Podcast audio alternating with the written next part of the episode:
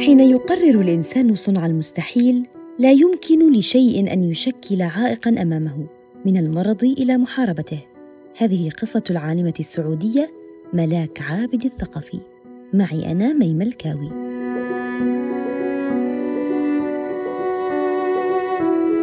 ومع الثورة في آه، مجال الجينوم أصبحت ثورة في مجال ثاني اسمه حقبة جديدة تسمى الطب الشخصي أو personalized medicine. فأصبح هناك نعرف أن بعض الطفرات لبعض الأورام تحصل لها استجابة كاملة باستخدام ما نسميها الأدوية الموجهة. أصبحت هناك أدوية تستطيع تعطيل بعض هذه الطفرات التي مسببة للسرطان. فهذا آه، أصبح التأثير المباشر آه، آه، لعملي أنا في العيادة أو في المستشفى. نعمل مثل هذه الفحوصات المتطورة وننصح الطبيب أو الشخص المعالج أنه ربما يستجيب لهذه العلاجات الموجهة. فائدة هذه العلاجات الموجهة أنها آه أنها تقلل التأثيرات الجانبية آه الغير مرغوبة من العلاجات الكيميائية والإشعاعية المعتادة. وأحيانا تكون أصلا غير غير مفيدة للشخص يعني لأنها لا لا تعالج الطفرة المسببة للورم. فكذلك مثلا في دول زي دولنا العربية نحن لدينا كثير من زواج الأقارب ينتج عنه كثير من الأمراض الوراثية. فعندما نقوم بدراسة مثلا الشعب السعودي أو الشعب الإماراتي أو الشعب الأردني نحن في تشابه في الخارطة الجينية. لو لما نعرف إيش الأمراض الشائعة والطفرات الشائعة عندنا تسبب أمراض وراثية نستطيع استخدامها في فحوصات ما قبل الزواج لنصح لنصح المقبلين على الزواج. مثلا إذا كان عندهم الاثنين حاملين لطفرة قد تسبب إلى ولادة طفل لديه مرض وراثي ربما آه، بأنهم يعيدوا تفكيرهم أو يستخدموا وسائل وقائية لتفادي هذه الإصابات. فهذه أصبحت شيء مهم جدا فحوصات ما قبل الزواج حتى فحوصات المواليد. تطويرها بشكل آه، على يعني يمكن أن نصب في مصلحة السكان بشكل أكبر. ولدت الدكتورة ملاك بمرض احتاجت معه لفترات طويلة من العلاج. دفعها للتفكر في الاختلاف الذي يميزها فكان سببا قويا في حبها للعلم. أنا الطفلة الوسطى بين أخواني وكانت يعني الله ميزني بميزة مختلفة عنهم إنه ابتليت بمرض آه، وراثي وأنا صغيرة. فهذا كان الشيء اللي يميزني عن أخواني الباقيين الأصحاء فكان هذا من يعني في البداية أنا كنت كطفلة ما أشوفه إنه نعمة. كنت أشوف ليش أنا مختلفة وليش أنا اللي أخذ الدواء وليش أنا اللي أروح نروح المستشفى. بس الواحد الحياة يربطها بعد ما ينظر لها للخلف مو ينظر للأمام. نحن دائما كبشر نظرتنا قاصرة على المستقبل. فكان هذا أول دافع لي إني أحب العلوم خصوصا علوم الأحياء والعلوم الوراثة وعلوم الكيمياء. فحاولت إني أجد طريقي في المدرسة أجتهد فيها آه، وفقت إني أكون الحمد لله من الأوائل في الثانوية العامة في منطقة مكة المكرمة القسم العلمي. وكنت أخذ وقت أكثر لقراءة المواد اللي تخص الأحياء والوراثة والكيمياء خارج المنهج الدراسي. ولم تكن الدكتورة التي تساعد ملاك للتغلب على مرضها مجرد طبيبة بالنسبة لها فقد أعانتها الدكتورة نادية سقطي على تحمل المرض والتفكير في المستقبل وألهمتها للكثير من صغرها.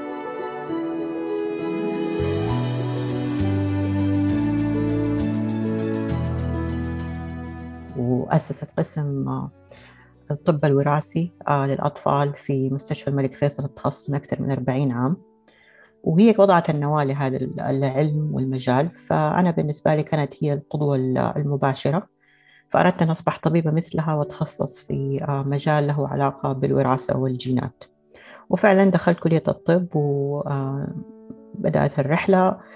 انتهيت من الطب وبعدها توجهت مباشرة للولايات المتحدة الأمريكية. كان تم الإعلان عن مشروع الجينوم البشري في آه، حوالي عام 2003 تقريبا كنت في الصف في السنة الثالثة والرابعة كلية الطب. وكان هذا المجال آه، يعني بمثابة ثورة آه، في العلوم زي ما كتب عنه إنه بداية عصر جديد. وفعلا كان بداية حتى تخصصات جديدة كثيرة. اقتنصت دكتورة ملاك الفرصة مباشرة. فتخصص جديد سيفتح أمامها العديد من الفرص فحملت حقائبها وتوجهت إلى الولايات المتحدة الأمريكية وهناك تفاجأت بالعديد من الصعوبات. كان في بعض الصعوبات آه، خصوصا بنقص الخبرات البحثية أو آه، والعلمية. آه، نحن دراستنا في كليات الطب وتشابهها كليات العلوم. العالم العربي يركز كثير على على حفظ المنهج. أو التلقين. ولا نركز كثير على تدريس الإبداع وطرق البحث العلمي وتنفيذ البحث العلمي. فكان هذا تحدي كبير. آه، أخذت على أخذت على عاتقي إني في بداية تخصصي إني أحاول أكتسب هذه المهارات حتى لو كان شوية متأخرة عن زملائي وزميلاتي. آه، بس أخذتها على عاتقي وفعلا الحمد لله بعد أربع سنوات مرحلة الإقامة في جامعة جورج تاون تمكنت من نشر ثمانية أوراق علمية بعضها بسيطة وبعضها مراجعات وبعضها دراسات علمية بس كانت بداية ممتازة. الحمد لله أهلتني إني أروح المكان اللي بعده كان مكان أعلى آه، قليلا جامعة كاليفورنيا سان فرانسيسكو.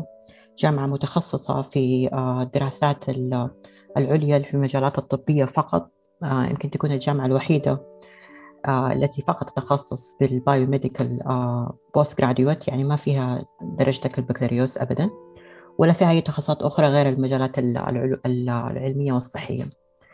وفعلا كانت هناك كمان انطلاق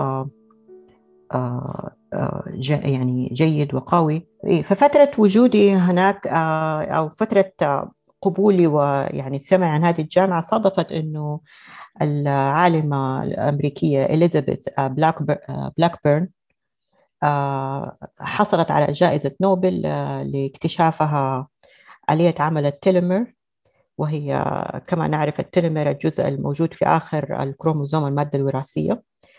آه، فكان وكان يعني من من حسن الحظ إني آه، حضرت أحد محاضراته هناك وهذا كان ذلك كان دافع أكبر إنه هناك آه، قوة قادمة بقوة للنساء في مجال العلوم. كما تعلم جائزة نوبل النساء يمثلن فئة قليلة جدا فيها. لكن في السنوات الست عشر الماضية ازداد العدد بنسبة كبيرة جدا مقارنة بما كان قبل من 100 عام. بعد جامعة كاليفورنيا انتقلت الدكتورة ملاك إلى جامعة هارفارد التي كانت حلما بالنسبة لها.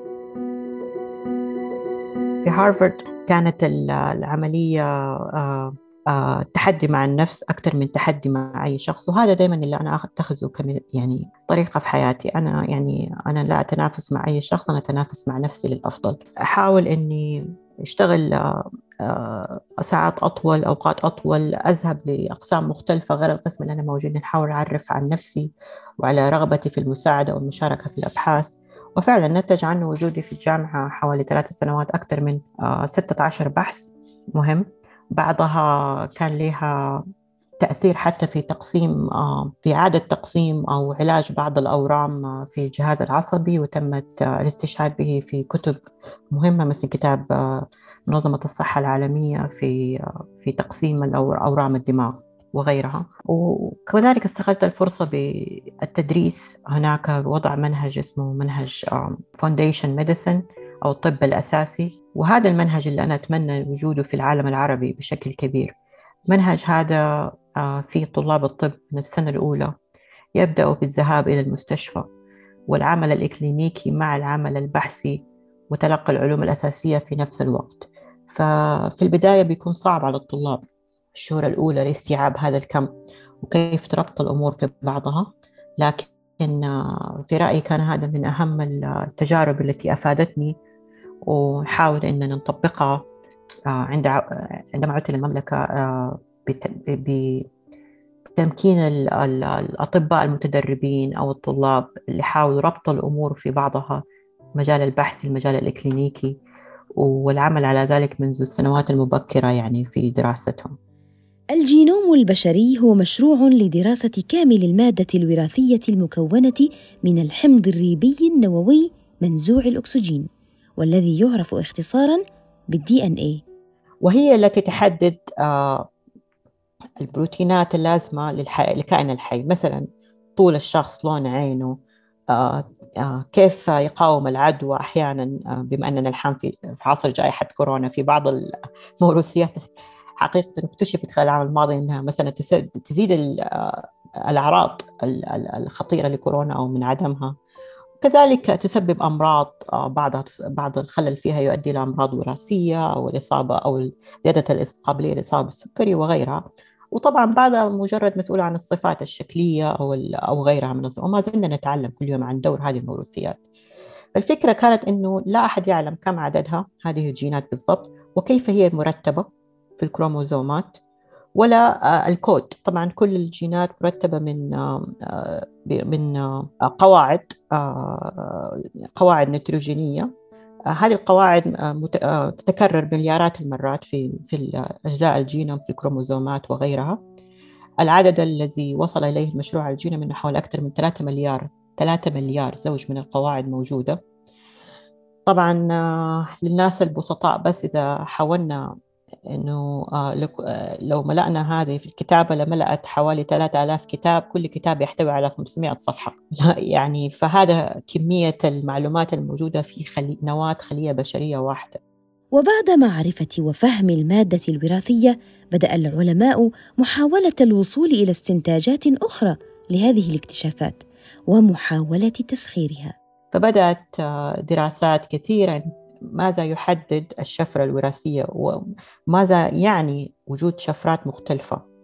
آه فأصبحت هناك اكتشافات أسرع لأنه الآن عرفنا أماكن هذه الحروف للأمراض الوراثية الطفرات المسببة لها بشكل كبير الطفرات التي تسبب الأورام السرطانية أو الطفرات التي كانت لها علاقة بأمراض مثل التوحد والسكري أو الضغط بشكل أسرع. في نفس الوقت تطورت كثير تقنيات تحليل التسلسل الجيني. يعني الهاجس الذي كان من استخدام تقنيات مثل التي استخدمت في في مشروع الجينوم البشري ومكلفة كلف مشروع الجينوم البشري حوالي 3 مليار دولار. في خلال سنوات قليلة أصبحت التكلفة حوالي مليون دولار والآن التكلفة أقل من ألف دولار لقراءة هذا المشروع. لماذا؟ وكمان تستطيع عمل تسلسل جيني كامل في أقل من 48 ساعة والإكزومي في نفس الوقت وبتكلفة لا تصل 500 دولار. الأبحاث العلمية لا تأتي بقوة من البداية إذ تتطلب الكثير من الإصرار والمثابرة كما أن الإنسان يستطيع أن يبدأ صغيرا ويكبر. آه هذه الأوراق نشرتها لما كنت في مرحلة الإقامة أو الريزيدنسي في الجامعة بعد ما يعني في التخصص العام. آه هذا دائما اللي أنا أنصح به المبتدئين والشباب إنه لا لا أحيانا بعض الأشخاص يصر على أن يبدأ بداية قوية جدا. أحيانا ما تكون هذه الفرصة متاحة فأنا بدأت ببدايات ربما بعضها متواضعة مثلا وصف حالة مرضية نادرة آه أو ما يسمى case report أو كتابة مراجعة علمية. فكانت هذه الثمانيه الأوراق مجرد لي أنا كتدريب أو كبداية لتعلم أساسيات البحث العلمي والكتابة العلمية وغيرها. فكانت مختلفة يعني مرحلة الزمالة بما تقع عليه يدي واستطيع العمل عليه وإنهائه آه زي ما قلت لك بعد كده كل ما الواحد آه بيتعلم أكثر ويكون متمكن تتطور معاه نوعية الأبحاث التي يقوم بها. وتطورت هذه الأبحاث إلى الآن آه الحمد لله نشرت آه فوق المئة بحث آه علمي. وأصبحت مشاركة في كثير من الكتب العلمية في كتابة بعض الفصول فيها آه، وغيرها. آه، أوراقي العلمية يعني تختلف بس غالبا القاعدة فيها واحدة. القاعدة هي استخدم التقنيات الجينية آه، المختلفة.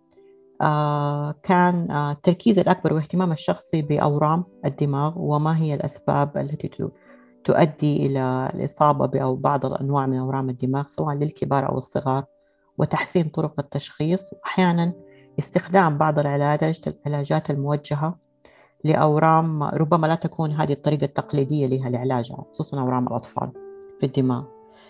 آه كذلك آه نقوم بدراسة التغيرات الوراثية في أورام الثدي. آه آه الأسبوع الماضي فقط تم قبول ورقة بخصوص أورام الثدي لدى السيدات في المملكة ووجدنا نسبة كبيرة منهم يحمل طفرة معينة يعني قد آه، ربما الاستجابة بعلاج موجه لها سيكون أفضل من استخدام الوسائل التقليدية. كذلك آه، نعمل على أورام القولون أورام ال ال الكبد وغيرها وأورام الدم اللوكيميا مع مجموعة كبيرة أخذها هم ورم يأتي للأطفال. هذا بالنسبة للأورام. بالنسبة لغير الأورام فمع وجود آه، جائحة زي جائحة آه، كورونا آه، ظهرت تحالفات عالمية لدراسة زي ما ذكرت لك أن الجينوم أحيانا يحدد مدى قابلية الشخص للإصابة بإصابة شديدة مثلا بكورونا أو بعض الأشخاص لا تجيهم لا تأتيهم أي أعراض. فبدأنا في في الدخول في تحالف عالمي فيه العديد من الدول حقيقة. آه لدراسة ما هو الأسباب اللي تؤدي إلى تباين الأعراض بين المصابين؟ وبالفعل آه آه بجهود مختلفة تم اكتشاف بعض الطفرات الوراثية التي تقلل من الإصابة بكورونا في الشعب السعودي وهي الآن الدراسة طور المراجعة وكذلك اكتشاف مثلا عدم وجود بعض الطفرات التي تسبب تزيد الإصابة بالأعراض في كورونا في شعبنا آه، شعبنا العربي أو السعودي.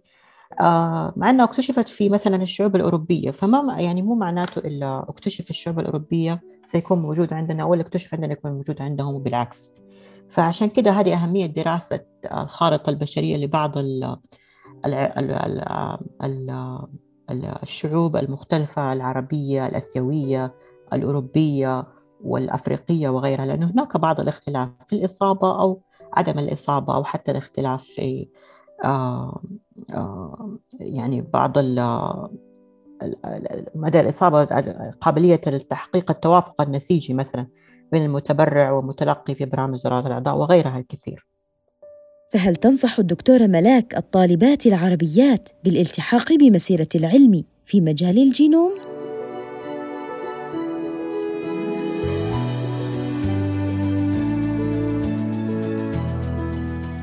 انه المجال جميل وشيق ويستحق المغامرة ويستحق الدخول فيه والزمن الحالي آه، ربما يكون أسهل للكثير سواء شباب أو شابات كذلك إنهم ينهلوا من العلوم. العالم أصبح صفحة مفتوحة أمامك. تستطيع التعلم في أفضل الجامعات. هناك كورسات مفتوحة مجانية وغيرها. لا يعني هذا الشيء ما كان موجود حتى في لما أنا يعني من حوالي 15 20 ما كان موجود. الآن مفتوح يعني لين إنه الدراسة المجانية أو الاطلاع وكذلك أنا دائما أنصح آه، أنه أستغل الفرصة اللي تجيك. لا يعني الشخص لا يحاول يكون متردد آه، في أخذ الفرص الصغيرة. الصغيرة سوف تكبر مع الأيام. آه، مع الوقت أي إضافة لك ستحسب لك. مع الوقت ستكبر هذه الدراسة الصغيرة إلى دراسة متوسطة إلى دراسة كبيرة وغيرها. المجتمع العلمي مجتمع لغته التخاطب بالأبحاث والنشر العلمي. إذا لم تنشر فأنت غير موجود. فدائما أنصح البنات والشابات والشباب نبدأ شيء صغير ونكبر مع الوقت. والمجال متميز جدا وأتوقع جائحة كورونا علمت العالم كله آه أنه أهمية العلم والعلوم وأهمية وجود المرأة في العلوم. لا ننسى أن آه، سيدتان من أهم اللقاحات التي تم توفيرها لقاح فايزر بايونتيك. ولقاح أسترازينيكا أوكسفورد كان وراءهم عالمات عظيمات آه، سيدات. فالعلم دائما آه، بحاجة للإختلاف والعلم دائما بحاجة إلى النساء.